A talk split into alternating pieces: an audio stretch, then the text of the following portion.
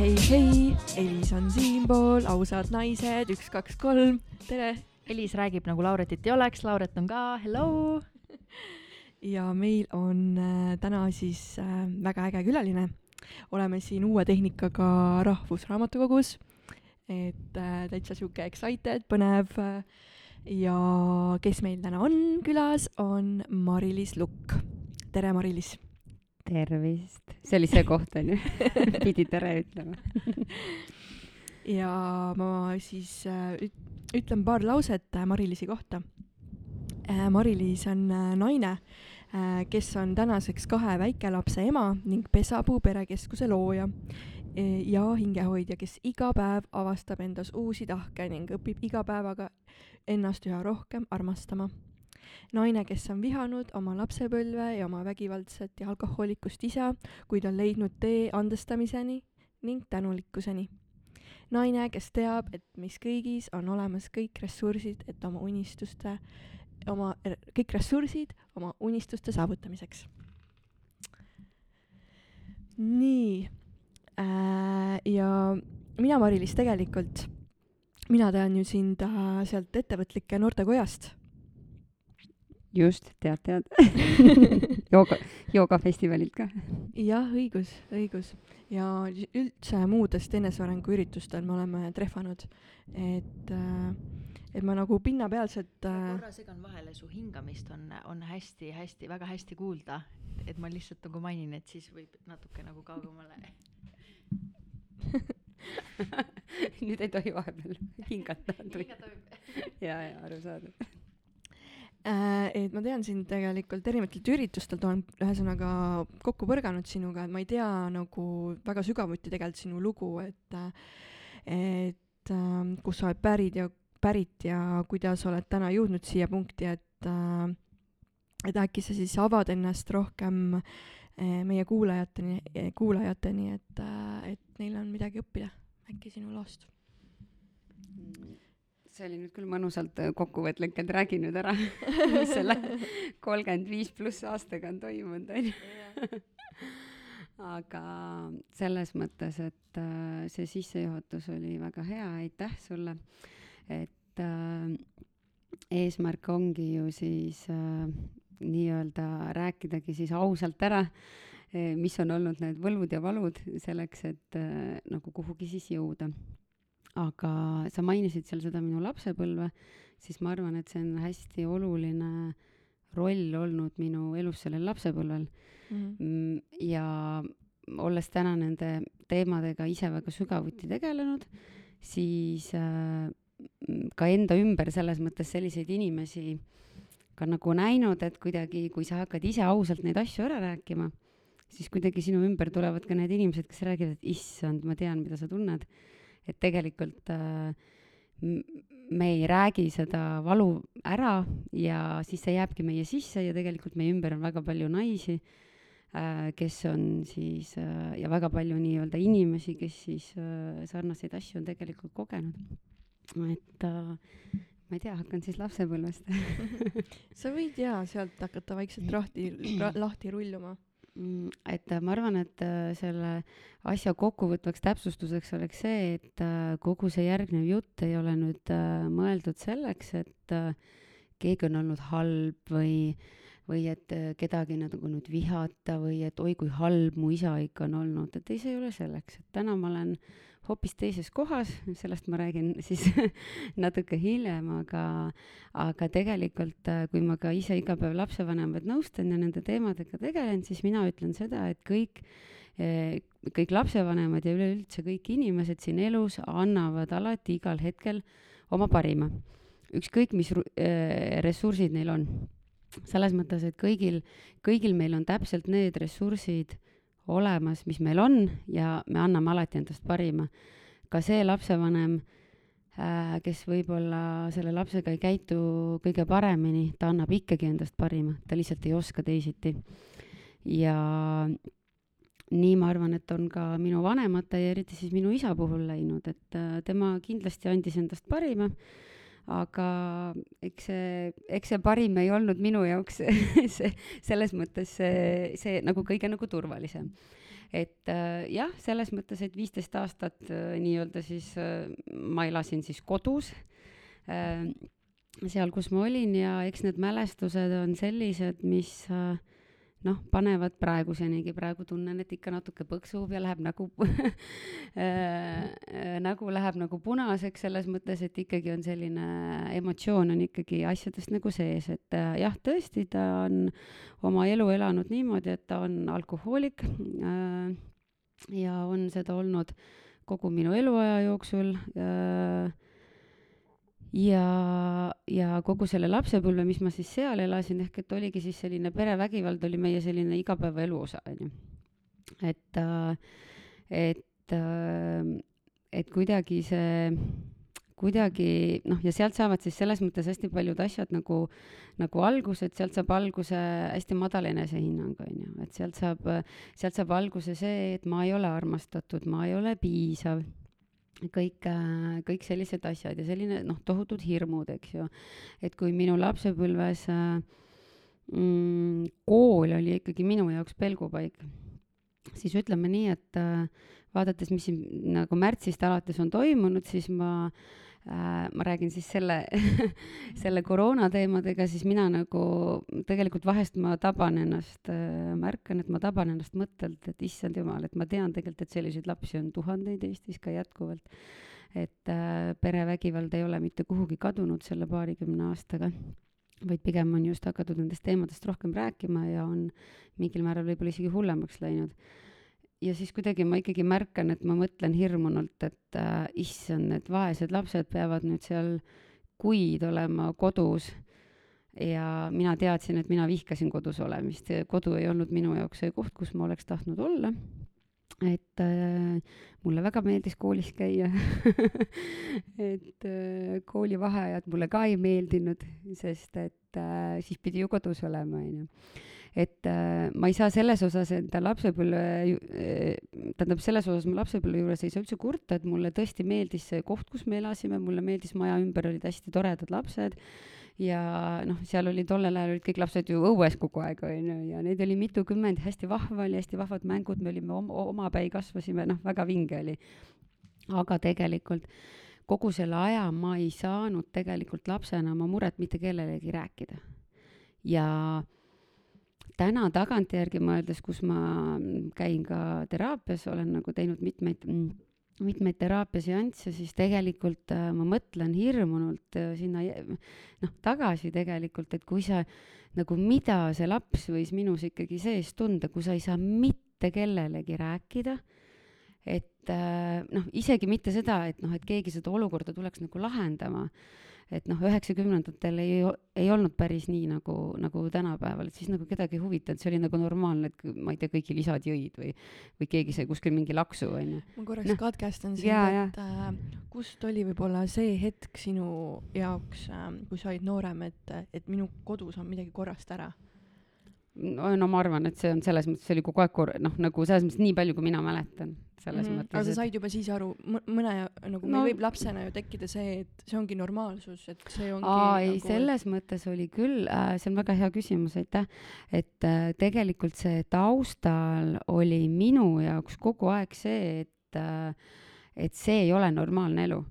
ja, ja ma arvan, et see, miks ma täna siin üldse olen, ongi tänu sellele, et äh, mis iganes minu ümber toimus, minus oli see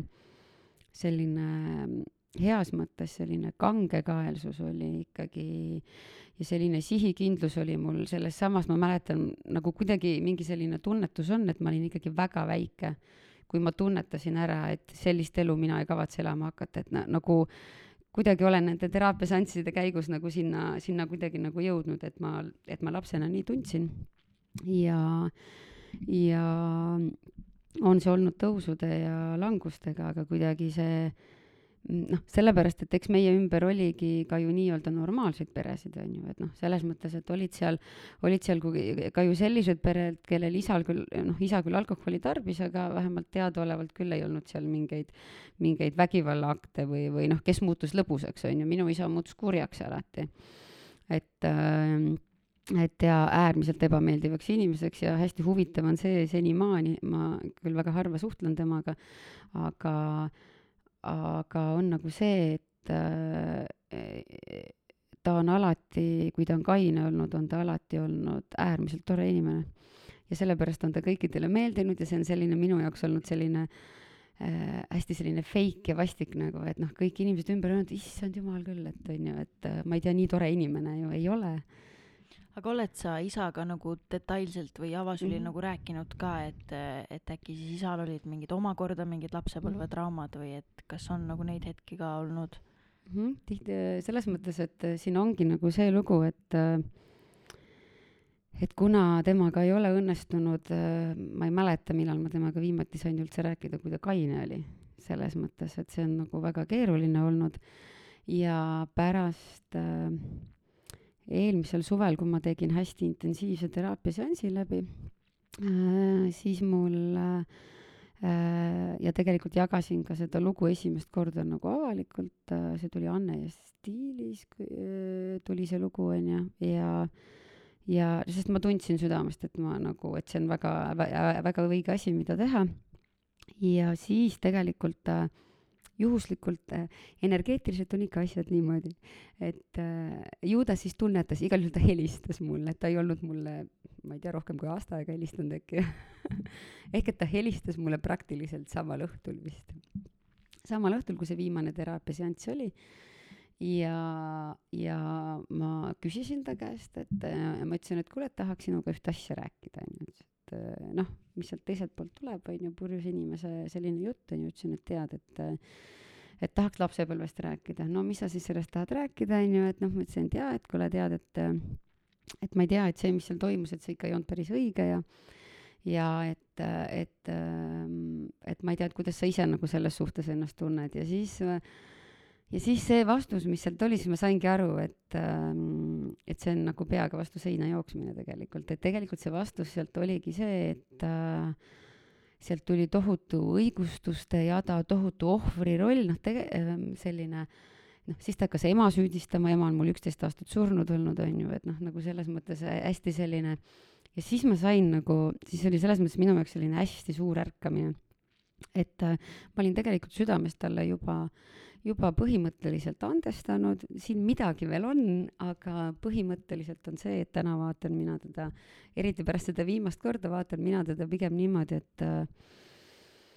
vaatan teda selles mõttes armastusega, et mina jagan talle seda armastust oma südamest ja tunnen talle selles mõttes kaasa, et tal ei ole täna mitte ühtegi last, kes tahaks temaga suhelda. Tal on äh, kaks last äh, tegelikult, on ju, tal on äh, kaks lapselast, on ju, ja ja null selles mõttes, et tal ei ole mitte kedagi tegelikult ja kui kurb see on. Ja, ja see on kõik tema nagu valikud olnud, et tegelikult kaastundlikkus on täna see ja see tõesti see nii-öelda tõesti armastusega, jagan talle nii-öelda spirituaalselt või tähendab siit kaugemalt poolt seda armastust, et ega ma, ega ma muud täna ei oskagi öelda, et selles mõttes, et see selles mõttes on, aga see teekond, et ma sinna andestamise olen jõudnud, on ikkagi olnud ka väga ikkagi selline konarlik ja väga palju vihkamist täis, et äh, lapsepõlves ma äh, äh, ikkagi kõik need korrad ma ikkagi noh, ma olen talle öelnud, ma arvan, et sadu kordi, ma vihkan teda ja ma päriselt nagu tu-, noh, ma nagu vihkasingi teda, sest see, see, mis ta tegi, oli, oli nagu õudne ja see rikkus kogu meie igapäevaelu, et ma iga päev tegelikult elasin hirmu all, et äh, ma ei julgenud koolist koju tulla ja venitasin ja, ja iga päev ma nii-öelda palvetasin, et äh, et äh, noh, et oleks ta nüüd kaine ja siis sellised asjad, mis, et sa nagu ma hakkasin ju ennast süüdistama, nii nagu lapsed ikka teevad, onju. et siis tegelikult oligi see, et ja kui ta siis oli purjus, siis oli tegelikult, ma süüdistasin ennast, et näe, ah, ma ei teinud ikka seda, ma ei tea, ei läinud üle selle ülekäiguraja sealt või noh, mingid täiesti täiesti siukseid asju nagu mäletan, et kujut-, noh, nagu, no ma ei saa öelda, kujutasin ette, vaid tegin endale seda nii-öelda turvapesa, eks ju et äh, ma ei tea, läksin postist valelt poolt mööda ja noh, mingid sellised asjad ja siis süüdistasin pärast ennast, onju. et äh, noh, ja loomulikult ma süüdistasin ka oma ema väga pikalt selles, äh, ka väga pikalt pärast tema surma süüdistasin teda selles, et miks ta siis nagu lubas endale sellist elu, et sest mina ütlesin, et mina ei võta iialgi endale sellist meest, et, et mis mõttes ja pole ka võtnud aga mis suhe sul emaga on olnud? Senimaani, kuni ta, ütleme nii, et ta surigi üksteist aastat tagasi, ma olin siis kahekümne viie aastane ja tegelikult kodust ma tulin ära äh,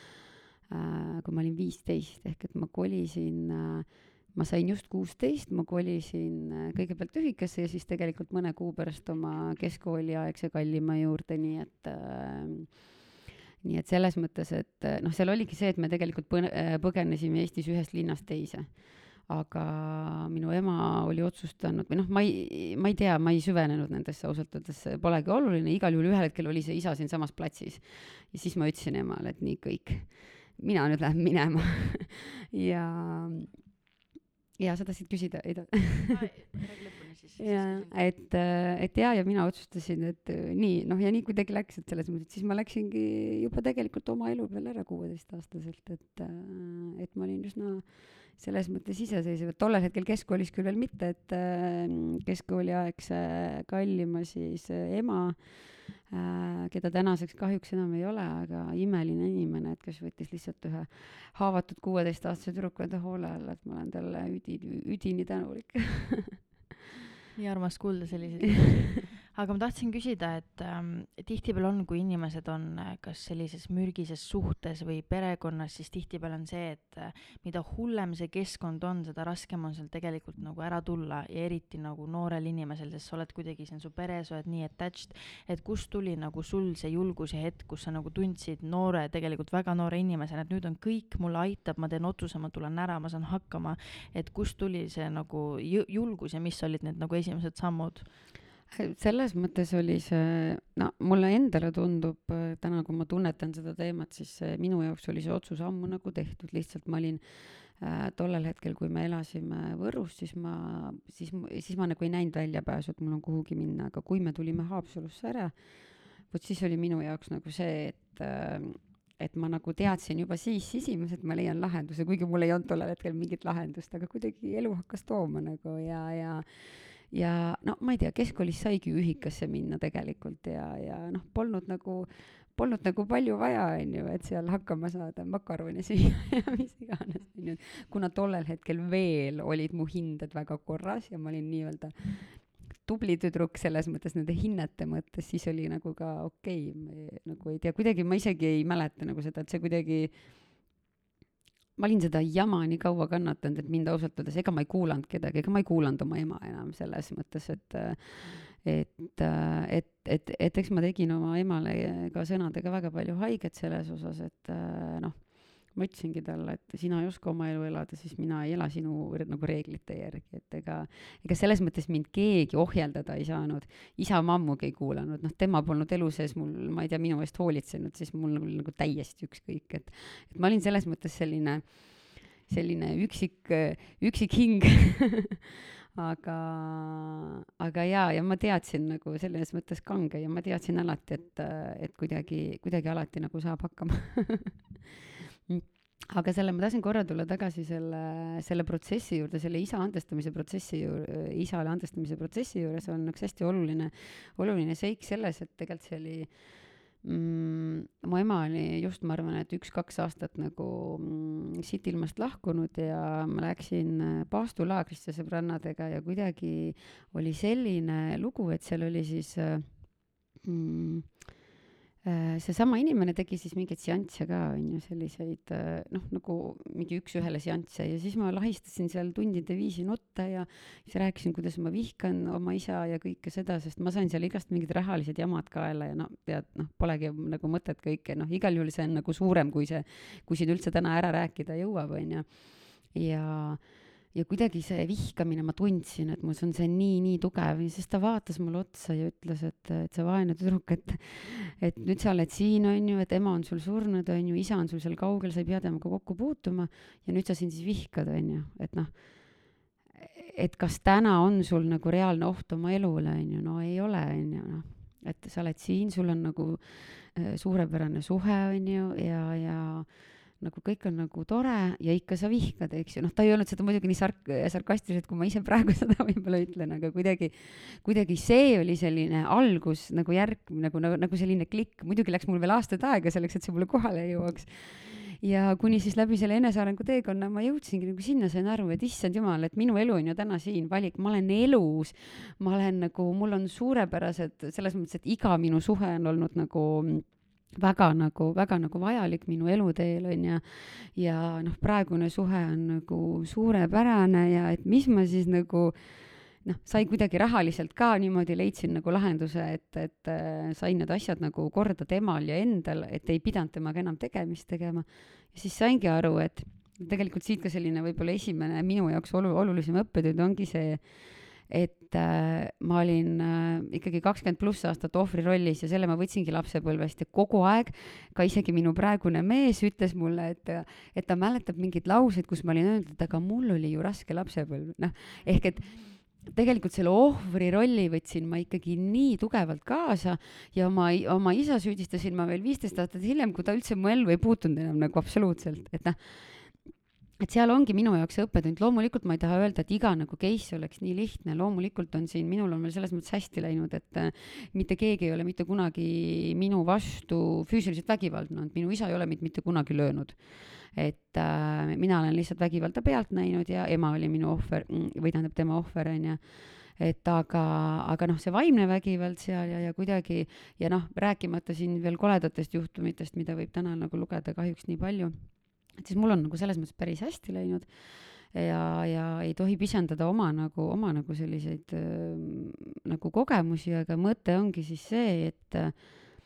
noh, kas ma elan nüüd vihkamises või ma isegi ei, ei, ei pea nagu andestama, aga lihtsalt see, et mis on minu valik täna kas ma nüüd see, et ma istun siin teiega laua taga ja räägin nüüd tundide viisi, et noh, kohutav, mis minuga juhtus, kui õudne inimene onju. aga tegelikult on see lapsepõlv, ma olen nii tänulik sellele selles mõttes, et see oli täpselt selline, nagu see oli. ma olen äh, tohutult tänulik, sest äh, kes teab, võib-olla ei oleks siis olnud seda minu seda tohutult sihikindlust ja, ja ja seda, et, et see õppimine ja see eneseareng on minu jaoks hästi oluline olnud. millest mina olen võib-olla aru saanud, on see, et kui Äh, nii-öelda tütarlapses on see viha isa vastu nii suur, siis tal tekib selline ennasthävituslik äh, muster, kus ta läheb sellesse rattasse, et äh, ennast hakata kuidagi noh, kuidagi sabotaažima, et läbi selle viha näidata isale kuidagi koht mm kätte, et kas sinul ka oli seda? no ma käisin seda teed ka kümme pluss aastat mm. -hmm. äkki räägid sellest ka lähemalt ja kusjuures, eks ongi selline kui mind varasemalt valdas selles osas selline häbitunne, siis täna on pigem see, et äh, ju see on ka vajalik olnud minu elus ja kuna ma täna seal ei ole mitte ligilähedal äh,, ligilähedalgi seal, kus ma olen olnud, siis just täpselt nii oligi, selline ma ei tea, kuidas seda psühholoogias siis nimetatakse, aga sa võtsid selle väga hästi kokku, selline tõesti ennast hävitali- hä,, hävituslik selline mm, elu hakkas pihta et ja kui ma siis olingi kuusteist ja nii-öelda vaba selles mõttes, et ei olnud noh, vaba selles mõttes tõesti, et ma ei pidanud enam seda jama taluma, aga teisest osast ka vaba see, et nagu, nagu nagu noh, ma ei tea, olengi siin, elangi siin kuti juures ja nagu teen, mis tahan, on ju põhimõtteliselt. et ähm, ja veel enne, noh, selles mõttes ka enne kohe, kui tegelikult nii, kui ma sinna Haapsalusse ära kolisin, hakkas mingi selline teema, ma ei tea, kuskilt noh, selles mõttes mina olen terve elu elanud keskkonnas, kus on nagu suitsetatud, onju. ja mina terve lapsepõlve vihkasin suitsetamist aga miskipärast, kui ma sealt ära, ära sain sealt keskkonnast, siis eh, noh, ma arvangi, et eh, täna ikkagi alateadlikult ma hakkasin suitsetama. ja ma suitsetasin tegelikult eh, kümme aastat, kuni kahekümne viienda eluaastani ma olin väga tugev nikotiinisõltlane ikkagi kakskümmend pluss korda tahtsin maha jätta niimoodi, et ma arvan, et see suitsetamine, kus ma päriselt võib-olla nii-öelda põnevusega nautisin seda, oli võib-olla see esimene üks-kaks aastat sellest ehk et mingi vii-, viisteist, kuusteist äkki. ja ülejäänud sellest oli see, kus ma lihtsalt tahtsin seda maha jätta, aga ma nagu ei suutnud, et kogu aeg leidsin vabandusi. Mhm. alkohol et ma ei olnud äh, tegelikult äh, põhikooli ajal, ma käisin küll seal pidudel, aga ma isegi ei tulnud selle peale, et ma peaks alkoholi jooma, no kuule, kodus on üks, üks kogu aeg juua täis, et mis ma tast ise nagu, ma ei tulnud selle pealegi ja mul nagu klassiõed juba tegelikult ma nagu nägin, et kuskil salaja käivad, mind isegi ei huvitanud see. aga järsku, nii kui ma sealt ära siis tulin, siis ma, siis ma sain ka loomulikult tohutud äh, ülejoomised ja kõik asjad said nagu ära nagu katsetatud, et äh, kole oli, ma ei taha isegi sellest nii palju rääkida mm. -hmm. aga kuidas see mm, isa olukord mõjutas siis nagu meestega suhteid, et kas sa tundsid mingis nagu olukorras, et nagu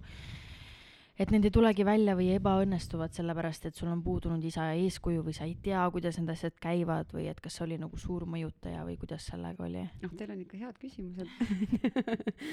et väga nagu täppi lähevad ja, et äh, Äh, loomulikult on see ka täpselt seesama, et äh, kui sul isa eeskuju pole olnud, siis äh, selles mõttes võib ka seal osas rappa minna, läks täiega täiega läks alguses rappa, et ja sealt pigem tekkiski see, et äh, kuna mul oli hästi madal enesehinnang ja minu selline mantra oli selles nooruspõlves kogu aeg see, et kes see mind ikka tahab, ma olen nii kole ju. äh, ja siis ühel hetkel, kui leidus mingi noormees, kellele ma päriselt meeldisin, siis hakkas selline, ma ei teagi, noh, selles mõttes, et tagantjärgi nagu mõeldes täitsa nagu kohutav, et ma, ma olen nende osade meeste käest ka andeks palunud, kes on mulle olulisemad olnud. aga tegelikult äh, hakkas selline alateadlik see, et ma meeldin kellelegi, aga kuidagi ma tegin neile ikkagi haiget. et äh, et äh, noh, pluss siis see, et selles mõttes, et sellised ebavajalikud äh, seksuaalsuhted, mis nagu on ka sellise madala enesehinnanguga ja sellise enese mitteväärtustamisega nagu seotud, et, et äh, et neid sai ka nagu kogetud, jah, kahjuks kahjuks või õnneks. ju on, ju on, ju on siis vajalik olnud, aga selles mõttes on, täna on kõik hästi. mainisid ennem ohvri rolli, et äh, küsiks võib-olla sellist küsimust, et mida sa soovitad nendele inimestele, kes praegu veel on nii-öelda kakskümmend neli seitse mugavustsoonis ja see on nende mugavustsoon olla ohvri rollis, et äh, kuidas teha samme, et sealt nagu välja astuda? Äh, noh, selles mõttes, et äh, pead ikka väga teadlik juba olema, et sa tead, et see on ohvri roll, ega äh, ma arvan, et ma sain teadlikuks alles sellest, et see on ohvri roll äh,. ma arvan, et see oli alles mõned aastad tagasi, äkki mingi neli aastat tagasi või see pole üldse mitte kaua, nagu kaua aega tagasi, aeg-ajalt ma lähen sinna ohvri rolli, keeran korraks ennast vanad, vanade heade mälestuste nimel tagasi, et selles mõttes, et ega see ega siin mina ei saagi mingit soovitust anda, lihtsalt on see, et et noh, minul on hea peegel olnud minu elukaaslane, kes on äh, selles mõttes, me oleme hästi samal lainel, et äh,, et meie see arenguteekond on ka olnud selline üsna nagu sarnane nüüd nagu selle enesearengu mõttes. Ja ja eks see suhe toimibki meil täna seal, et, et me anname teineteisele, me oleme luba, noh, nii-öelda andnud loa teineteisele tagasisidet anda. ja, ja, ja, ja siis ongi see, et meil on ka märk selleks, kui me ei taha seda vastu võtta, ehk et on, on, on olukordi, kus on niimoodi, et ma tõstan käe üles ja ütlen, et stopp, kuule, lõpeta ära, ma ei, ma praegu ei suuda seda vastu võtta. ja et ja nagu tunnistada oma vigu ja kõik see, noh, see suhteteema on üldse veel omaette teema, et ega see ohvri roll on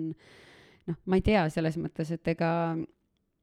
seal on ka igalühel on omad nagu tunnusmärgid, aga põhimõtteliselt minu tunnusmärgid olid need, et ma äh, oligi, ma läksin sinna lapsepõlve tagasi, et aga mul oli ju nii raske lapsepõlv ja ja tegelikult, kui ma enam seda lapsepõlve isegi ei kasutanud, oli mul see, et aga miks nad mulle nii teevad. ehk et äh, mm, väga hästi mäletan, ma ei saa sellest case'ist rääkida, lihtsalt äh, need inimesed tunnevad ära ära, et sellel ei ole mõtet nagu onju, et mhm. aga, et aga lihtsalt mäletangi täpselt sellist olukorda, mis tegi mulle tohutult haiget, et noh, mind ei, ma ei tea, ei kutsutud kuhugi või mis iganes ja siis nagu kuidagi, kuidagi äh, tekkiski see, et issand, et miks nad seda teevad, et ma olen ju nii tore ja tratata ja noh, kuidagi hakkasin nagu ketrama, noh sinna juurde see madal enesehinnang veel ja siis ja siis tegelikult saingi nagu aru, et noh, puudub enesearmastus ja siis tohutu selline teiste süüdistamine on ju, et noh, so what nagu on ju, et see igaüks otsustab ise, keda ta kuhu kutsub või, või, või mida nagu, et kellega ta suhtleb või et kuidagi selline tõrjutuse tunne tekkis. ja see tõrjutuse tunne on äh, väga nagu tugevalt äh, mul elus ka olnud nagu sõbrannadega seoses ja ja eks ka suhetes, et ma pole kunagi julgenud väga üksi olla ka, nii et, nii et see et ma ei oska selles mõttes, et äh, ma arvan, et esimene samm on see teadvustamine, et see on nüüd see ohvri roll ja ega minagi seda alati senimaani ei märka nii et mm. -hmm. kui sa oled poole oma elust olnud nii-öelda toksilises keskkonnas ja tegelikult toksilistes suhetes, siis paratamatult meil äh, tekib äh, lapses sees äh, siuksed väärad kiindumusmustrid, sellised rünnak, kaitse äh,. Kuidas nendest äh, välja tulla, kuidas nagu sellest toksilisusest äh, astuda välja ja, ja luuagi täisväärtuslikke suhteid, äh, kui ma pool oma elust olen olnud sellises keskkonnas? mina täna, ma arvan, et aasta aega tagasi ma oleks sulle hoopis teisiti vastanud, võib-olla isegi pool aastat tagasi. täna ma vastan sulle hästi laialt ja üldiselt, et läbi enesearmastuse, selles mõttes, et see, siin ei ole nagu, kui sa iseennast ei armasta äh, ja see ei käi nagu sellest, et ma ei tea, kallista ennast iga päev, vaid nagu selline sügavalt see selline eneseaustus, eneseväärtustamine, kõik see, et kui sa seda ei tee, siis ei saa ka, siis ei saa ka muud nagu selles mõttes olla. su küsimus oli, ütle korra, mul läks see sõna, see meelest. toksilisus. just, just seesama et äh, selles mõttes, et miks see enesearmastus on see esimene, see tähendab seda, et läbi oma selle enesearmastuse, noh, see võib olla igaühe jaoks nagu erinev, see mõiste, on ju, et aga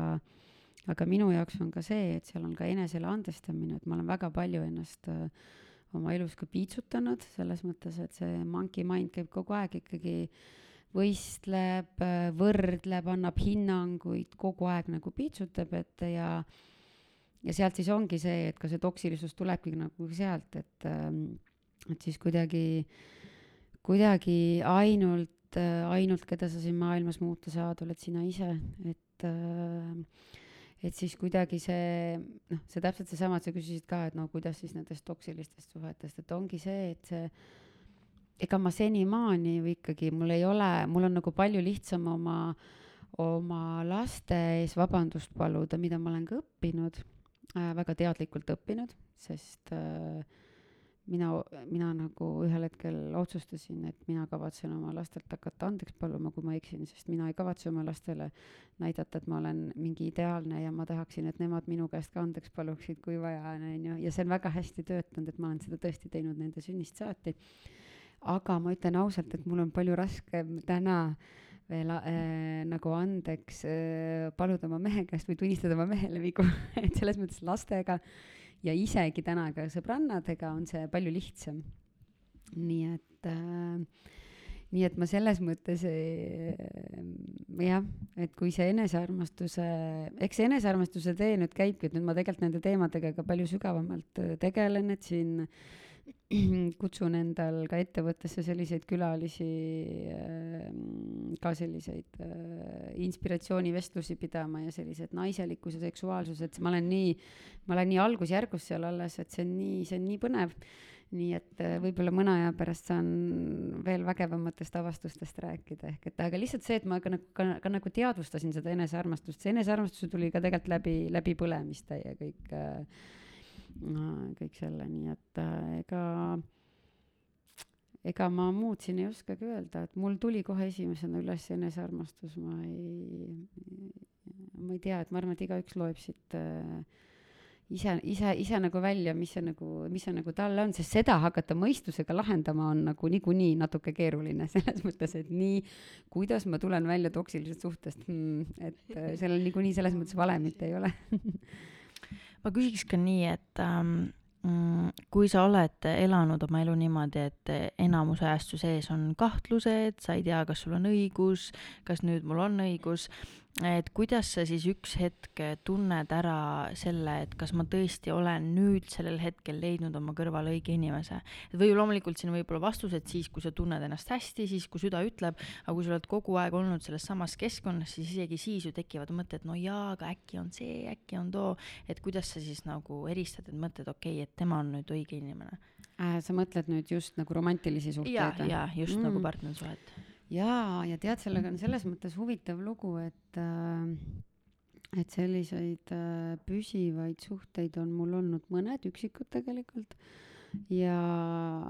mm, ja selles mõttes äh, nad on olnud kõik üsna nagu sarnased, üks nendest on olnud kardinaalselt erinev, mis ka oli täis draamat ja lõppes draamaga ja kõik oli nagu draama, aga see oli, see oli nii vajalik mu elus sellepärast, et äh, et see näitas mulle, et seda ma ei soovi oma ellu, et, et ma pidin selle uuesti läbi kogema, et tegelikult selle suhte puhul ma tundsin juba alguses, et see ei ole õige. aga ma venitasin seda ikkagi kaks aastat nagu välja.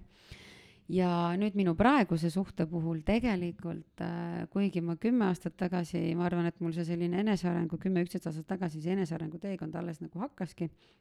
siis tegelikult oma praeguse partneri juures seesama öö, kui me kohtusime ma ütlen ausalt, et ma tegelikult äh, tema puhul tunnetasin, et tema on see õige. aga see õige ei tähenda selles mõttes ka seda, et äh, no olgem ausad, ma ei saa öelda happily ever after, on ju, et või nagu kuni surmani, me ei tea seda iialgi, tegelikult me ei tea ja ja ma ei näe ka, et me peaksime teineteisele selliseid lubadusi nagu andma, et see, see selles mõttes ei ole selles kontekstis oluline, sest et elu toimub siin ja praegu. ja temaga olen mina oma elus ena-, see kümme aastat, enamus hetkedest olen ma tundnud ennast temaga väga hästi. on olnud väga raskeid ja on jätkuvalt äh,, eriti pärast laste sündi, on väga-väga keeruliseid äh, nagu hetki olnud ja on jätkuvalt, me käime ka baariteraapias praegu, mis on hullult äge protsess nagu soovitan kõigile, ei päriselt, päriselt soovitan. kas sinna saab, kas sinna on soovitatav minna ka siis, kui ei olegi mingeid probleeme? sinna just peakski minema siis ah,. tegelikult okay. küll, sellepärast et äh, see oli nii huvitav, et ma, et me, et me suvel käisime ka seal äh, prep paarisuhte koolitusel ja siis tegelikult üks, äh, üks armas inimene ütleski, et äh, kuidagi mingite rühmatööde käigus ütles, et aga tegelikult tema arvates peaksid kõik paarid käima baariteraapias üldse siis, kui neil on kõik hästi, sellepärast et siis ei pea hiljem nii palju maksma. ja, ja see oli nagu hu-, äh, nagu selles mõttes, et aga tema nagu ei võtnud seda nii huumorina, kui see nagu välja nagu praegu kukkus, on ju, et tegelikult aga päriselt. sellepärast, et äh, meie oleme esimene põlvkond, kes tegeleb lastekasvatusega, kes tegeleb teadlikult suhetega, kes tegeleb teadlikult iseendaga. me ei, varem ei ole, meid ei ole õpetatud, meie vanemad ei ole õpetanud seda tegema, ehk et no kuulge, et äh, mis selles siis häbiväärset on, et ma lähen ja nemad annavad sulle mingid tööriistad, loomulikult nad ei lahenda sinu eest asju, on ju, aga sa õpidki seal suhtlema oma mehega, nagu õpidki niimoodi, et aa, et sellistes keerulistes olukordades, et sa ei lähe kohe emotsiooni ja, ja ja nagu ja väga raske on olnud, mul on seal nii raske olnud seal niimoodi, et noh, kuna sa ei, seal on ju mingi süsteem, sa ei tohi mitte midagi öelda.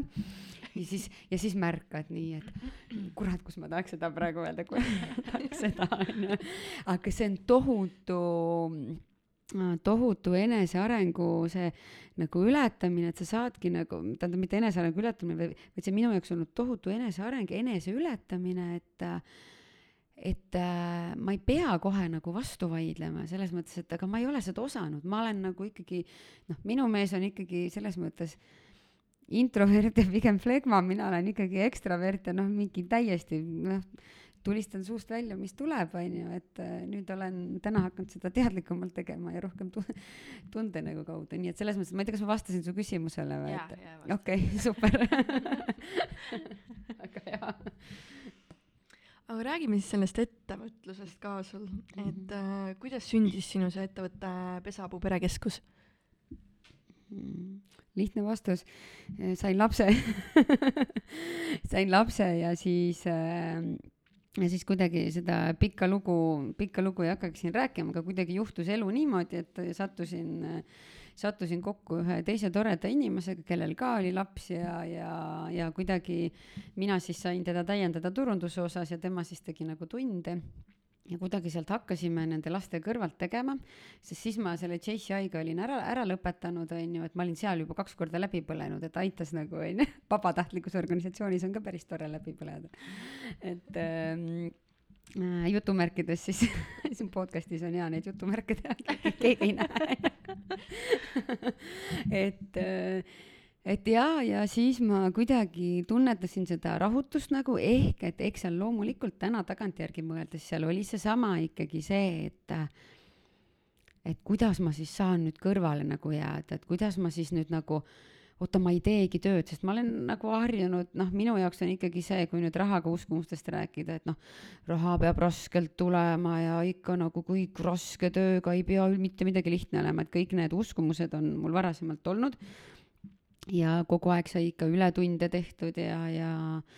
ja selline tubli töötaja olnud, koolis olin tubli, tööl olin tubli, kogu aeg tahtsin tunnustust, kogu aeg oli oluline, et väljastpoolt tuleks tunnustus, on ju. noh, ja kui sa, kui sa nagu laod oma need tegevused väljastpoolt tuleva tunnustuse peale, siis tegelikult noh, ühel hetkel see ei tööta enam, ma olen mitu korda seda tunda saanud. ja siis kuidagi see hakkasime vaikselt toimetama nende laste kõrvalt, siis sain teise lapse, on ju, noh. ja siis kuidagi, millal sa ikka töötad kahe lapsega kurat kui öösel, noh, ja siis teed öösiti, on ju. aga selleks, et üleval püsida, mis sul on vaja, suhkrut on vaja, on ju, kohvi ma õnneks pole joonud, aga suhkrusõltuvuses olen küll olnud väga tugevalt ja kuidagi see läks, noh, ja magamata ööd ja, ja kõik see magamata ööd nii töö kui laste pärast on ju, et nagu mõlemad on ju, et siis see selline mm, oli nagu vaja midagi nagu teha, oli vaja toimetada selle pesapuuga, aga ja kuidagi võtsin endale nii palju neid asju, et, et ikkagi see üks tugev läbipõlemise hetk oligi üks tänaseks siis kolm aastat tagasi, kus siis tegelikult ühe mingi pooleteist kuuga tegime hullult, hullult vinge nagu ürituse, ise ka ei plaaninud, et see nii suur tuleb, kuidagi järsku tuli nii suur äh,. mingi pooleteist kuuga mingi kolmesajale inimesele ja kuidagi nagu läks mingi äh, ma ei tea, hullult nagu järsku noh, nagu noh, jube hästi tuli välja hästi,, hästi-hästi nagu positiivne tagasiside ja kõik tuli välja, aga see oli nagu see, mis hinnaga see tuli, oli siis see, et kui selle ürituse päeval viimane, mul oli äh, poeg oli mul siis viiekuune ja tüdruk oli siis kahe aasta ja viiekuune onju. ja siis selle ürituse õhtul siis äh, mehe noh, nii-öelda vanavanemad tulid siis nagu äh, nagu sinna ja hoidsid neid lapsi seal ja siis see üritus oli niimoodi, et oli see viimane asi siis käis, onju. teadsin, et nii, nüüd on kõik, onju, et selline tohutu pingelangus tundsin ka seest ja siis lihtsalt hakkas ninast verd jooksma, mul on ka seda ka varasemalt juhtunud. ja kakskümmend viis minutit lihtsalt kinni ei saa nagu no lihtsalt täiesti ja, ja noh, ja siis sain nagu aru, et no ja siis noh, järgmised kuu-poolteist ma ei suutnud mitte midagi tööd teha nagu. ma olin täiesti läbi omadega, mul oli tervis läbi, ma elasin ainult oma sefiirikorvikeste peal onju, et ähm, ja võib tunduda naljakas, aga päriselt, et äh, ikkagi päevas neli kuni kaheksa sefiirikorvikest korraga ära süüa, kakssada grammi Karl-Fatseri šokolaadi peale vahest ka halvaa ja niimoodi ma elasin ja need olid minu päeva tipphetked, eks ju. et, äh, et kuidagi niimoodi ma funktsioneerisin ja ja kuidagi nagu, nagu ühel hetkel, ma isegi ei mäleta nagu, kuidas ma sealt august hakkasin siis vaikselt välja nagu ronima, aga tegelikult hakkaski nende koolitustega, Eerik Edmitsi koolitustega äkki hakkas sealt kuidagi vaikselt nagu tulema, et kuidagi, sest see noh, see suhkru uimas olek on täpselt sama nagu ma ei tea, suitsu uimas või alkoholi nagu uimas on ju, muud uimasust ma ei tea ju. E, et siis nagu kuidagi see see on ka selline, see on ikkagi väga-väga tugev sõltuvus, et selline uimasus oli. nii, aga nüüd me läksime ettevõtte asutamisest, on ju, no just, ja siis see tuligi, et selles mõttes, et see ettevõte nagu see oli minu jaoks number üks. ja nagu siis tulid lapsed, siis tuli, ma ei tea, siis tulid kõik teised, siis tuli mees ja siis äkki tulin mina ise ka võib-olla kuskilt niimoodi oma, oma, oma, oma verise ninaga seal onju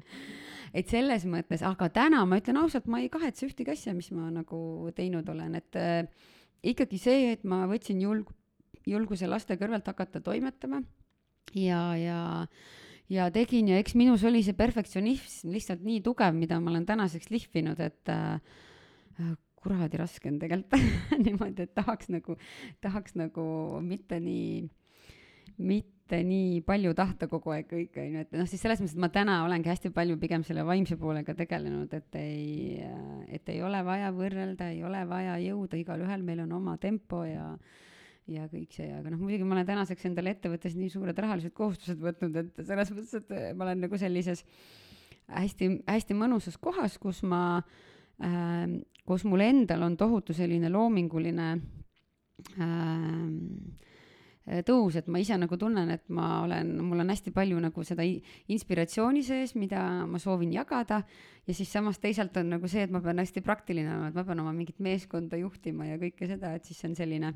selline kombineerimine, et kuidas ma seda siis nüüd kõike teen kui on keegi, kes samamoodi mõtleb, et ta tahaks oma asja alustada või ta tahaks mm -hmm. väärtust luua, aga ta tõesti tunneb, et kõik on üle pea, tal on elu, tal on lapsed, tal on lihtsalt, lihtsalt kuskilt ei pigista seda aega, aga tal on see siiras soov, siis mis oleks sinu need esimesed võib-olla paar soovitust, et kust alustada oleks üldse hea mõte, et mis siis nagu peaks esimesena tegema? Äh, mulle väga meeldis, et sa ütlesid seda, et tal on see siiras soov, eks ju, et selles mõttes see äh, minu esimene soovitus iseenda kogemuse põhjal ongi see, et mõtle, miks sa tahad seda teha, et selles mõttes, et äh, mina tegingi alguses tõenäoliselt, okei okay,, ma tahtsin midagi nagu teha, aga suures plaanis kergelt ka ikkagi sellise välise tunnustuse nimel. Ja välise tunnustuse nimel ei tasu seda teha, kui sa, kui sa nagu hakkad tunnetama, et see on nagu noh selleks, et ma ei tea, tõestada mehele midagi või ma olen kuulnud erinevaid lugusid, miks hakatakse, on ju, nagu või et kuidagi nagu, et noh, ma siis tõestan neile ära, et ma tegin, ma olen mingi perekonnas esimene, kes siis tegi ettevõtte, sellel ei ole mõtet, see ei, see ei hakka tööle, sest see ei ole, see on juba alguses laetud väga, väga nagu valest energiast. et äh, äh, ma ei tea, kus sina täna kuulaja oled, aga, aga mina täna üha rohkem, üha rohkem Äh, õpin otsuseid tegema läbi tunnetuse, läbi sellise intuitiivse sellise mõistmise. Ja see on niimoodi, et ma mingi kolm-neli aastat tagasi hakkasin selle teema kohta natuke uurima ja siis ma mõtlesin, et millest nad räägivad mis intuitsioon nagu, oota, lõpetage nagu ära, istun, ootan, ei tule intuitsiooni, onju. et äh, tegelikult see tulebki nagu järk-järgult, et äh, aga hästi lihtne võib-olla soovitus, praktiline mm, soovitus on kohe selline, et noh, selles mõttes, et igaüks meist oskab istuda niimoodi istu korraks maha, onju, niimoodi jalad noh, selles mõttes tooli peal, kus iganes sul on mugav istuda, selg, selg, selg nagu mõnusalt, onju Äh, et ei, et ei ole kuskil pinget, pane korraks silmad kinni, mõtle nüüd mingi teema peale. Äh, mis iganes, et ma ei tea, noh, alustan oma ettevõtet, ei alusta, onju. ja äh, proovi nüüd see on nüüd kõige toredam ülesanne, et proovi nüüd oma see monkey mind nagu korraks kõrvale panna, onju. aga põhimõtteliselt hakka tunnetama äh, mis tunne sul on ja mitte mõistusega tunnetama, vaid hakka tunnetama siit äh, nüüd täpselt siitsamast, siit see selline see torso, torsopiirkond on siin selline, selline, et kus äh, siit äh, kahe, siit õlgadest on ju, kuni siis puusadeni hakka siis tunnetama, mis siis nagu, mis siis nagu selle teemaga sul on. ja kui see ei tule täna kohe sul välja, siis äh, siis võta iga päev paar minutit ja hakka nagu tunnetama, et mis sellega on, see võib tunduda nagu sürr sinu jaoks onju ja see ei pruugi sulle üldse nagu sobida, aga aga sa ei pea seda tegema, see on lihtsalt see, kuidas mina täna neid asju teen, onju. meile tehti siin live meditatsiooni praegu. Ma ei tea, see tuli kuskilt jumala eksprompt nagu, pole kunagi mingit live meditatsiooni teinud. Väga hea, kõike tuleb kogeda, et ju siis pidi tulema see teile just praegu, et äh, et lihtsalt see, see mõistusega võtmine on see, millega mina iga päev äh, tegelen, sellepärast et äh, see, selle kõike siin elus, ka seda ettevõtlust selle mõistusega võtmisega võib ausalt öeldes hulluks minna. et siis kuidagi äh,, kuidagi selline, see on minu jaoks olnud nagu hea viis nagu tunnetamaks. ja ma ütlen ausalt, et ma teen ka veel alles reedel tegin ühe sellise otsuse niimoodi, et juhe oli jumalast koos, sest et mul on mingi sada ülesannet, mis mul on vaja ära teha, ma ei suuda nagu prioriteete seada ja siis äh, ja siis läksingi, panin kõik kinni ja siis läksin, istusin viis minutit ja tunnetasin ja, ja mis iganes see nagu otsus siis, noh, selles mõttes otsuse tegin ära, aga mis iganes sellest tuleb, siis järelikult oli see õige nagu otsus, on ju. võib-olla siis selline oota, te kindlasti tahate mingit praktilist ka või? Noh, prak-, ikka. Selles mõttes, et see on ka tegelikult väga praktiline, see on kusjuures veel kõige praktilisem üldse, et äh, tänapäeval on sellised inimesed, kes selliseid asju õpetavad, on noh, tegelikult hea e eeskuju, kus ma seda esimest korda kuulsin, oli, oli äkki Ville Ehe, on ju äh,, kes on ka ette, ettevõtja ja siis tegelikult Ingvar Villitoo õpetab selliseid praktikaid ja siis Äh, nüüd siis äh, olen kuulanud ja lugenud tohutult siis viimased pool aastat siis äh, Antru Ees vana, kes on siis ka Krisil külas käinud, et me oleme mehega täiesti vaimustuses nendest, me juba tegelikult praktiliselt paneme teist ringi, kuulame neid podcast'e, nii et, nii et jaa, väga inspireerivad inimesed ümber, et aga see ettevõtlusega, noh näiteks on, noh, sa küsisid, et et, et ettevõtlusega alustamine on see, et tihtilugu tekivad kahtlused, aga see on juba olemas, on ju mm siis on see, et äh, äh, üldiselt on tänapäeval väga keeruline üldse midagi luua, mida ei ole olemas, on ju, et siis sa jäädki seda oma ideed ootama, seda ei tulegi kunagi. Et tegelikult on see, et äh, hästi lihtsalt äh, mina nagu näen ka kõrvalt, et neid ka lapsekasvatusteemasid tuleb nagu, nagu uksest ja aknast, küll tasulisi, tasuta on ju. kui ma iga päev peaksin kõikide nendega võrdlema, siis ma võiksin ammu pillid kotti panna selles mõttes. et noh, siis ei oleks mul mitte midagi teha, sest et tegelikult on ju kõik, ükskõik mis valdkonnas sa oled, kogu info on tegelikult tasuta kättesaadav täna lihtsalt äh, mina näengi, et inimesed on seal taga ja inspireerivad on need inimesed, kes neid asju teevad. Et äh,, et see käib selles mõttes sellise otsuse pealt, et kas sa nagu, ma isegi, see on nii huvitav nagu, et äh, mul ei olnud seda nagu hirmu, aga samas ma otsisin viis aastat, ma korrutasin endale, et äh, mul ei ole mingit ideed, mul ei ole mingit ideed, noh. ja ütleme nii, kui sa iga päev korrutad endale mingit asja, noh siis mis sa arvad, kas see tuleb sulle või ei tule, et noh, kui sa iga päev korrutad, et mul ei ole mingit äriideed, noh siis see ei tule su juurde, onju. noh, ju ma siis ühel hetkel lõpetasin selle korrutamise ära, onju. Et kuidagi noh, enda hirmudele siis otsa vaadata samamoodi, et, et aga okei okay,, mis seal selle taga siis on, on ju, et, et see otsus, et aga mul ei ole aega, aega ei ole meil mitte kunagi tähendab, aeg on, meil on kakskümmend neli tundi aeg on kõige võrdsem asi siin maailmas üldse, mis on. selles mõttes, et äh, raha on mõnel rohkem, mõnel vähem, aega ei ole mitte kellelgi meist äh, rohkem kõigil on täpselt, me oleme kõik täiesti võrdsed, ükskõik mis, mis nahavärvi sa oled või mis rahv-, noh, mis rahvusest, ehk et ajakasutus on puhtalt sinu otsus ja siinkohal oleme kõik võrdsed. nii et äh, sul võib ka, ma näen siin täna inspireerivaid naisi, neli, neli last on tal ja ta teeb oma ettevõtet ja toimetab ja oma nelja lapse kõrvalt, on ju, kellest kõik on mingid, ma ei tea, alla, alla kaheksa-aastased, eks ju, et saab, saab, saab küll Äh, teha, nii et see on selline otsuse, otsuse nagu taga. ja selle, mul jäi vist enne see mõte pooleli selle koha pealt, selle ideede koha pealt, et või noh, et kõik on olemas juba, siis on see, et leia mingi, mingi selline noh, mis alati täna väga hästi töötab, on see, et sellist äh, äh, midagi pole teha, ma ei tea, tunned sa puudutatuna või ei tunne, kui sa kuulad, et eks see on sinu äh, eks see ongi siis sinu sisemaailma peegeldus, aga põhimõtteliselt Eestis ei ole väga head klienditeenindust, ehk et sellega eristuda on nagu, ma võin käppu täis lugeda ka ettevõtted, kes tegutsevad ainult veebis ja miski, noh, nende tooted on keskmiselt kallimad, aga miskipärast ma muudkui ostan neid nagu selles mõttes, et äh, ja mind ei huvita muud need tooted, sellepärast et seal on midagi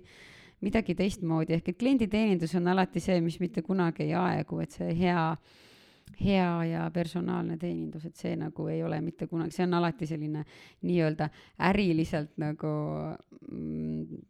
väga nagu kasulik, ma ei tea, nüüd keegi naerab, et no mis kuradi ärinõu see on, aga tegelikult nagu, nagu nii on, sest et olgem ausad, sul võib olla mega hea toode või teenus, aga kui sul ikkagi teenindus on ikkagi kehv, siis sa saadad kukele kõik, nii et no eks ikka ju, kui sul on see tugev soov, siis äh, eks mina olen ka märganud seda, et universum tegelikult hakkab No sulle just. neid lahendusi tooma, aga Mhm. ainuke asi, mis sa enda poolt äh, pead tegema, on lihtsalt see, et tee algust. no kui just sa istud nagu kodus ja mõtled kõik need asjad Mm. kuni mingi A4 lõpuni iga punktini välja, siis ei aa ei selles mõttes oh jeerum tõesti noh seda noh ma igast asju nagu et seda selles mõttes et äh, kes see oli seesama see Ma- Mark noh Facebooki Facebooki Mark on ju see kes tegelikult äh, aeg-ajalt on mingeid tema tema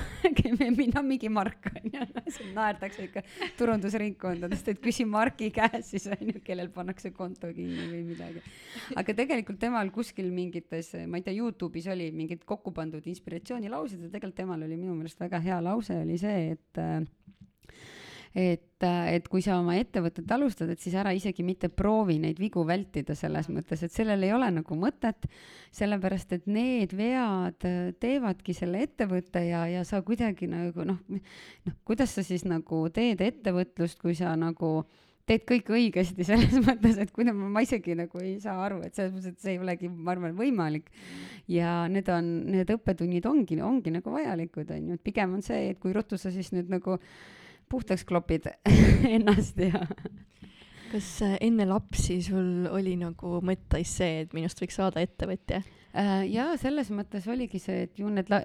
ju need lapsed pidid mulle tooma selle ettevõtte, aga tegelikult ma ju, kui ma Chase'i, noh, ma läksingi Chase'i asja tegelikult sellepärast, et seal olid ette, ettevõtlikud inimesed, kellest äh, rohkem kui viiskümmend protsenti olidki ettevõtjad ja nad olid kõik väga suureks inspiratsiooniks, ehk et tegelikult üks äh, mis ma olin seal kokku neli aastat, et ma arvan, et üks äh, noh, seal oligi tegelikult see tohutu mm, tõuge oligi see, et ma lihtsalt nägin, et mis kõik on võimalik, nagu need inimesed olid samamoodi sellised äh, tavalised inimesed, hästi, hästi nagu, nagu, nagu lihtsad, armsad, ägedad, aga tegid nii põnevaid asju oma nagu laste kõrvalt ja kuidagi see laste, perede, muude nagu toimetuste kõrvalt, et see nagu ei olnud minu jaoks üldse isegi mitte ma nagu teadsin seda sisimas alati et äh, aga enne olid palgatööl? jaa, ma tegelikult enne, kui ma lapsehoolduspuhkusele läksin, ma olen olnud äh, kolmteist aastat olen ma olnud äh, personalijuhtimise valdkonnas. Ja kunagi am, väga ammustel aegadel, nendel segastel eneseotsingu aegadel olin ma ka juuksur kunagi kas praegu peale siis praeguse ettevõtmise on, on veel midagi või see on praegu nagu ei, see on mul, see on mul see, et ma seal arendangi, ma olen tahtnud, ma olen igast projekte vahepeal ära öelnud päriselt käest, ma vahepeal võtsin endale äh, see ongi see ekstravertide viga, et tahad igal pool olla ja jah, jah, jah, jah, jah, just, just, et ma õppisin ka ei ütlema. Ja tegelikult äh, läbi selle, tähendab selle enesearmastusega kaasneb ka see ei ütlemine tegelikult, et see, kuna mm, see enesehinnang oli ka nagu madal ja siis tegelikult on see noh, fear of missing out on ju, et kuidagi see oli kogu aeg nagu kuklas, sest et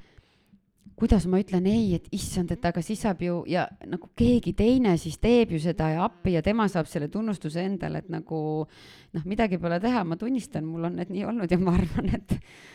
paljudel on ka nii olnud et ähm, jah. mainisid, et äh, kirjutad raamatut, et äh, millest see tuleb või millest see koosneb ja ma viskasin selle õhku ja mõtlesin, et viskan selle universumile õhku ja siis ütlen kõva häälega välja, et noh, siis ju ikka tuleb, onju.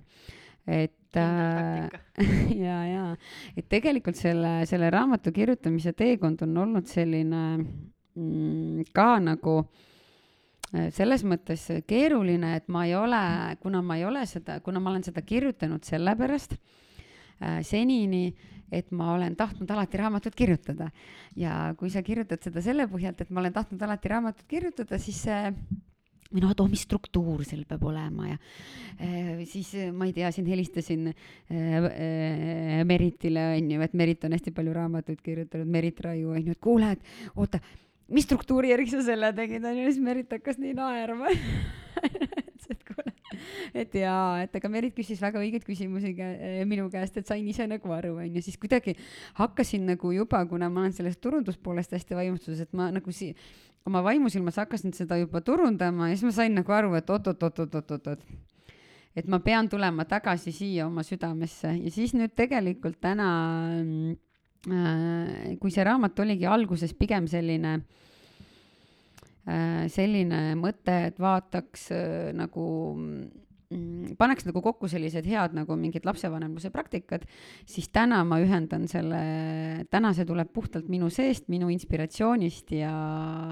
ja see tuleb äh, täpselt selline selline, nagu ta tulema peab, et puhtalt minu seest, et täna ma, jaa, mul on seal loomulikult mingi struktuur ja, ja see on kuidagi mul nagu siin, siin silme ees olemas, aga põhimõtteliselt mul käib niimoodi, et äh, ma iga päev käin jalutamas ja siis ma vaatan, et oo, kuule, selle teema kohta tuleb midagi, siis salvestan ära ja siis mul on üks armas ja siis vahepeal võtan ka ise nagu öösel hakkan, ma ei tea, üks öösel kirjutasin kella kaheni, lihtsalt ma mõtlesin mehele, ma ei saa magama tulla, mul on lihtsalt tohutu inspiratsioon peal, sorry, ma ei saa tulla. et, ähm, et niimoodi tunnetuslikult tuleb, et see on nii naljakas, kuidas see inspiratsioon tuleb nii lambistel hetkedel tegelikult ja selle tuleb lihtsalt ära kasutada. jaa. see on nii nagu jaa, sest just, sest mul on olnud niimoodi, et ma mõtlen, et ma olen pannud märksõna ainult kirja ja mõelnud, et ah, ma hommikul kirjutan. no way, kohe pane kirja, et, et nüüd ma saan nagu aru, milles nagu need muusikud ja kunstnikud, mis mõttes mingi öösel teevad nagu, aga ja tulebki, noh, ja minu inspiratsioon on selles mõttes minu, minu lapsed nagu kõige, kõige rohkem, sest et nemad trigerdavad mul kõige rohkem asju. Ja sealt tulevadki minu need sellised, minu lapsed on minu peeglid ja minu kõige, kõige hullemad oma omadused, oma omadusi peegeldavad nemad mulle ja siis ma hakkan neid analüüsima seal keset ööd, et mis värk on. aga ma arvan, et vaikselt hakkame otsi kokku tõmbama, mul on sulle, Mari-Liis, kaks küsimust jäänud. Nonii, rõõmuga kuulan. et äh, üks küsimus olekski see, et äh, kuidas ennast programmeerida, et jõuda iseenda elu eest äh, vastutamiseni? et kuidas sina seda oled veel teinud praktikas? Mulle kohe meeldib see programmeerimise küsimus see sõna, et me käime, ma käin. see on ju tänapäeva maailm just, just, just, et ma käin äh, seal äh, NLP kursustel, kui teate, siis see tähendab neurolingvisti, neurolingvistiline programmeerimine. tahan ise ka sinna minna no vot, väga soovitan. et aga põhimõtteliselt on NLP on siis selline Äh, mina ütlen hästi lihtsalt seda kokku, ma ei tea, mis see ametlik, äh, ma ei hakka teile ametlikku väljendit ütlema, aga põhimõtteliselt on see, et see on selline iseenese ja teiste nagu maailma mõistmine, ehk et üleüldse siin, siin maailmas arusaamine mm,, noh, sellest maailmast arusaamine, et, et kuidagi, kui mina olen arvanud äh, kogu aeg, et äh, et kuidagi, et teised peavad minu järgi tegema, siis täna ma olen nagu ja mitte halvas mõttes, selles mõttes, et äh, nagu lihtsalt kuidagi nagu, et noh, et kui mina nii tahan, siis nagu ma arvan, et kõik teised tahavad ka nii. tegelikult ei taha, on ju, et, et ei, me oleme kõik nii, nii erilised ja nii mõnusalt äh, eriliselt erinevad, et, äh, et see äh, et see ongi, see ongi just see nagu rikastav, aga samas seda on ka hästi raske mõista, eriti nagu mingites vaadetes, mis nagu üldse ei lähe nagu äh, ma ei tea, võttagi siin meie sama poliitika täna, siis mul on ikkagi väga-väga keeruline nagu neid nagu mõista ma ei tea, miks me peaks kedagi ära saatma või midagi sellist, onju. aga kuidas ennast programmeerida, et saavutada oma eesmärk, oli see küsimus või? et jõuda enda elu eest vast-, et jõuda enda elu eest vastutamiseni, et sa ei oleks seal ohvri rollis võib-olla enam rohkem mm. -hmm. ma ei tea, igalühel on nii oma see teekond aga kus äh, mina olen nagu mm, ma korra vaatan, mis sealt seest tuleb mis sealt seest tuleb, mul on siin üks kastike, teate onju tead, mis see on või? tead, mis see minu jaoks, minu jaoks on see äh, otsus. minu jaoks on see puhtalt äh,, puhtalt see otsus, et äh, aga noh, see ei käi ka jälle nii lihtsalt, see ei käi ka nii lihtsalt, onju, aga see on, see on nagu see, see on nii pikk teekond, mul on olnud. Jube, jube raske on sellist ühtset asja öelda, aga see on nagu otsus, et äh, mina täna otsustan, et mina nüüd hakkan oma elu eest vastutama. kui sa oled selle otsuse teinud, siis ära loomulikult, noh, selles mõttes ära nagu looda, et nüüd see kohe nii käibki, onju. Et see ei, see ei käi niimoodi, see võib võtta väga-väga kaua aega, seal võib olla veel väga palju erinevaid õppetunde aga eh, sest et kui sa oled mitukümmend aastat ikkagi harjutanud sedasama mustrit, siis see ei muutu päevaga. aga see otsus on seesama, et sa annad selle soovi universumile ja tegelikult hakkab sind toetama. ja ma arvan, et mina ka, ma ei tea, kas ma kõva häälega olen seda otsust teinud, aga ma arvan, et ka ma ühel hetkel selle otsuse tegin, kui ma nagu sisimas ja ka siis hakkas nagu uni-, universum toetama, et hakkasid mingid inimesed minu ellu tulema ja hakkas nagu juhtuma asju tegelikult hästi-hästi nagu vingelt et keda see universumi jutt nagu hirmutab, siis äh, siis võta siit lihtsalt äh, see kaasa, et äh, et äh, et ka võta siis nii-öelda, kui sa tahad mõistusega võtta, siis võtagi, et, et see on nagu otsus, ma teen mingit äh,, ma nagu otsustan täna ära, et mina nagu, mina nagu olen see vastutav, sest et tegelikult see nüüd ka ei kõla hästi, aga see oli tegelikult ühe ka ühe mingid inspiratsiooni, mingid lõigud kokku, kokku lõigatud ja ma ei mäleta, kes see mees seal vahepeal oli, aga ta ütles äh, hästi huvitava lause ing-, inglise keeles, et äh, et äh, noh, seal see point nagu oligi see, et noh, et me igaüks nagu et keegi võib sinu vastu küll ka huvi tunda, on ju, noh, no, no, no näiteks ma mõtlen, et mina, ma teen nagu, nagu asju, mulle iga päev tegelikult kirjutatakse täna, et issand, kui äge, et sa teed, inspireerid, on ju, aga, aga tegelikult noh, see mees ütleski, et nagu nobody gives a shit, see tähendab see, et nad nagu tegelikult pööravad sulle korraks tähelepanu, aga tegelikult läheb igaüks oma elu juurde tagasi. ja siis see ongi seesama nagu asi, et äh, et sinu elu on siin nüüd ja praegu ja mitte keegi ei hooli sinu elust rohkem kui sina ise.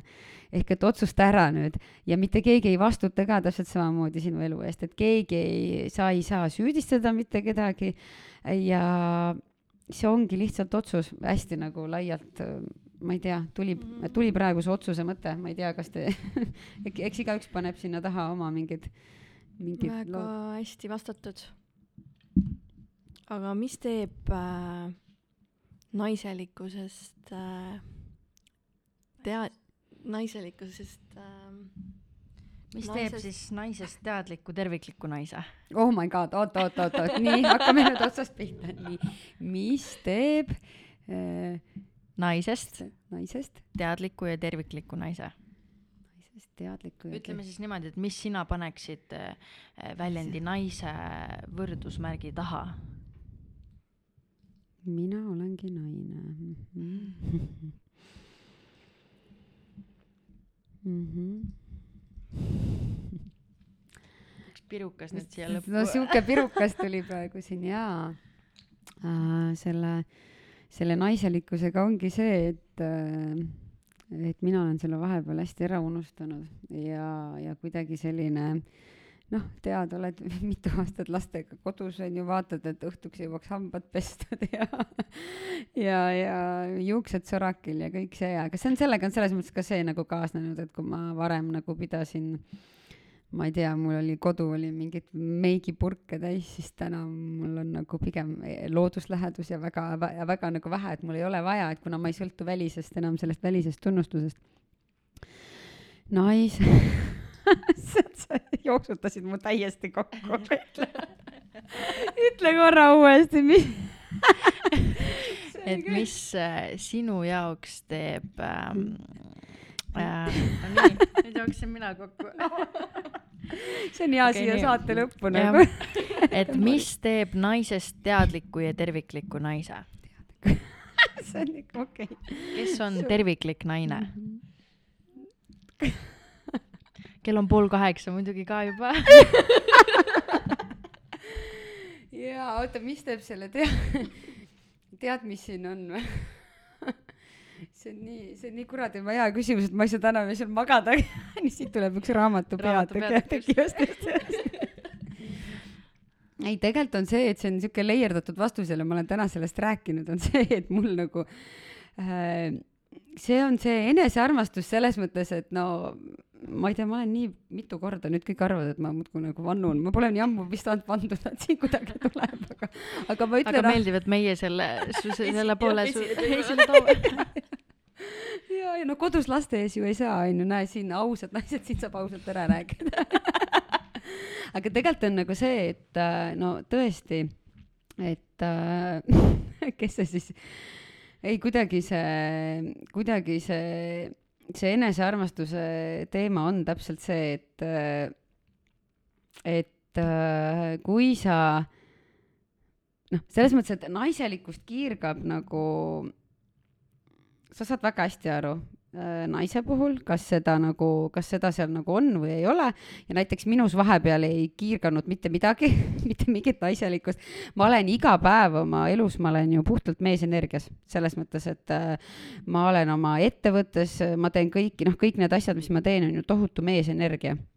Ja John Gray räägib väga hästi selle naiselikkuse ja mehelikkuse teema peal, on see Mehed on Marsid naiselt Veenusest äh, raamatus, on ju ja kuidagi sealt ka see teema mind hakkas hästi palju kõnetama ja me saimegi aru, et mingi periood olin mina, mina olen hästi palju meesenergias ja minu mees on hästi palju naisenergias nagu äh,. et äh, ja ja ma hakkasin teadlikult endale tegelikult otsima siis neid äh, naiselikke, kus ma saan siis nii-öelda natuke rohkem naine olla, onju. ja selleks ma olengi leidnud endale mingid naiste vääringid. ma olen lugenud, äh, mit-, et, et kui ma varem lugesin ainult selliseid ettevõtlusraamatuid ja enesearenguraamatuid, siis nüüd nagu ongi tulnud juurde sellised, ähm, sellised naiselikkuse raamatud ja, ja kuidagi huvitaval kombel on, kui ma selle nii-öelda taotluse universumile andsin, siis järsku hakkasid minu ümber tulema ka hästi ägedad naiselikud naised ja kuidagi ja, ja kuidagi noh, see on see, et sa hakkad ise ka nagu märkama seda rohkem, onju et äh, ma ei, ma ei oska su küsimusele vastata, minu jaoks on see. see oli väga hea vastus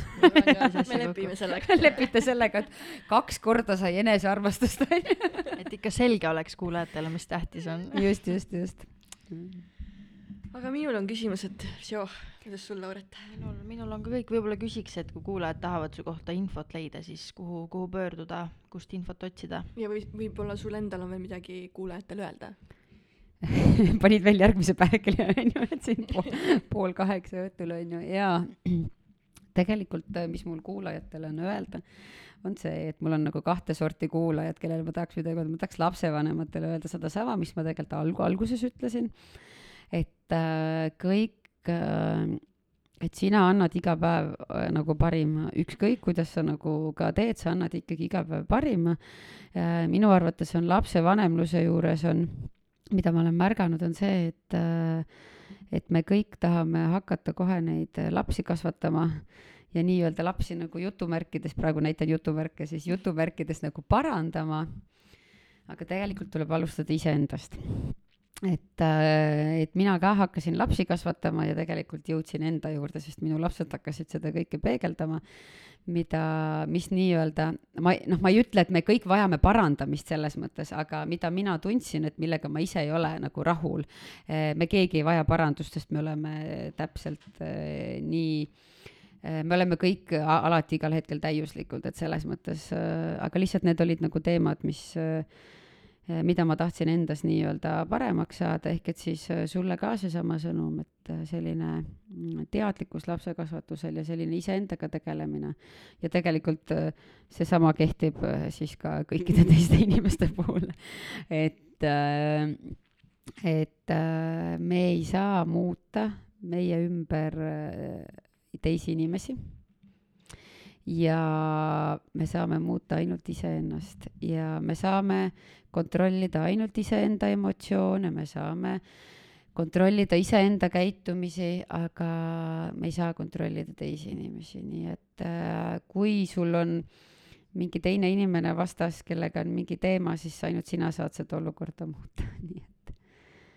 vot nii. ja kuidas meid leida? jah. ja äh, www-d vist tänapäeval enam pole, pesapuuperekeskus.ee on see, kus saab siis lapsekasvatusega seotult äh,. Instagram on ka äh, sealsamas, Facebook ka ja äh, ja selles mõttes, et mulle võib kirjutada ka, aga mulle kirjutamisel on see, kui sa mulle Messengeri kirjutad, siis ole hea, tuleta mulle meelde, et sa oled mulle kirjutanud. sest et äh, kuidagi on see suhtlus kolinud sinna ja toimetamist on palju, et ja kui ma su kirjale ka kohe ei vasta, mm, siis äh, tuleta mulle ennast jätkuvalt meelde, et ei ole midagi hullu nii et ära arva, et ma olen mingi nõme ja ei vasta. ma kindlasti vastan, aga mul võtab aega mina tänan Mari-Liis, et sa jagasid täna oma lugu väga avatult ja ausalt, et äh, tänud minu poolt.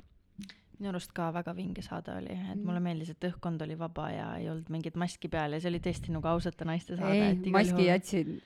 tahtsin öelda ukse taha, aga siis mõtlesin, et ei, mul polnud siin kaasaski seda. meil kellelgi ei ole maski ees, nii et jaa, ei, maskid on ammu selles mõttes, et äh, ma ei räägi nüüd enam füüsilistest maskidest, aga aga need jaa, need äh, maskid on maha raputatud, et need ei ole mind elus edasi viinud, nii et ma ei taha neid enam. aitäh teile aga aitäh ja, ja võib-olla eluteed viivad veel kuskil Just. kunagi kokku. ja olge mõnusad. tšauki, head aega! Please don't tell me no.